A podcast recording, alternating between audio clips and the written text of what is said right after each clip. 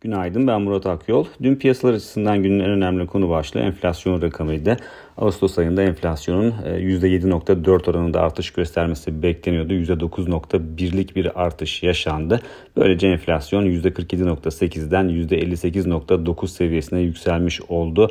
Yıllık bazda aynı zamanda e, arka arkaya ikinci ayda da enflasyonda yıllık enflasyonda yükseliş e, görmüş olduk. Merkez Bankası'nın yıl sonu tahminine baktığımızda son enflasyon raporunda güncellediği gibi %58'lik bir rakam görüyoruz.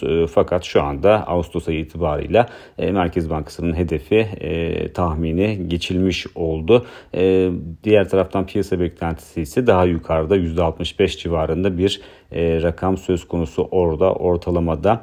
Tabii enflasyonda yukarı yönlü bir eğilim yaşandı ama piyasalarda çok ciddi bir etki, bir bozulma yaratmadı. Dün hatta geçmiş dönemlerde enflasyonun yüksek olduğu dönemlerde yatırımcıların hisse senedi tercihinin ön plana çıktığını görüyorduk ki dün de aslında bunun bir benzerini yaşadık. Borsa İstanbul BIST 100 endeksi Cuma günü 8000 puan seviyesinin üzerinde kapanış yaparak yeni hafta için pozitif sinyaller vermişti ki bu sinyallere de paralel olarak endeksin yeni haftaya da yukarı yönlü bir eğilimle başladığını gördük. Mevcut durumda 8000 puanı e, destek noktası olarak takip ediyoruz. Yukarıda e, endeksin izlediği trende baktığımızda ilk etapta 8350 puan seviyesine kadar bir hareket alanı olduğunu söyleyebiliriz.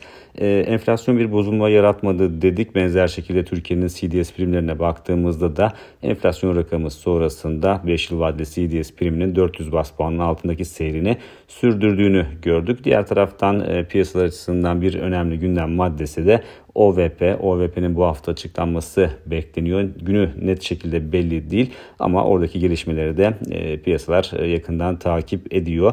Yurt dışına baktığımızda ise Amerika dün kapalıydı işçi bayramı nedeniyle bugün yeniden işleme açılacak. Dolayısıyla küresel hareketlilik biraz daha yüksek seyredebilir. E, makroekonomik veri tarafında Amerika'da fabrika siparişleri rakamını takip edeceğiz. E, Euro bölgesinde ise PMI hizmet endeksi öne çıkıyor. E, orada e, öncü rakam 48.3 olarak açıklanmıştı. Büyümeyi daralmadan ayıran e, seviyenin altına gerilemişti öncü rakam e, 7 ay sonra. Burada bir değişiklik beklenmiyor. E, 48.3'te sabit kalacağı tahmin ediliyor hizmet endeksinin. Bir sonraki podcast'te görüşmek üzere.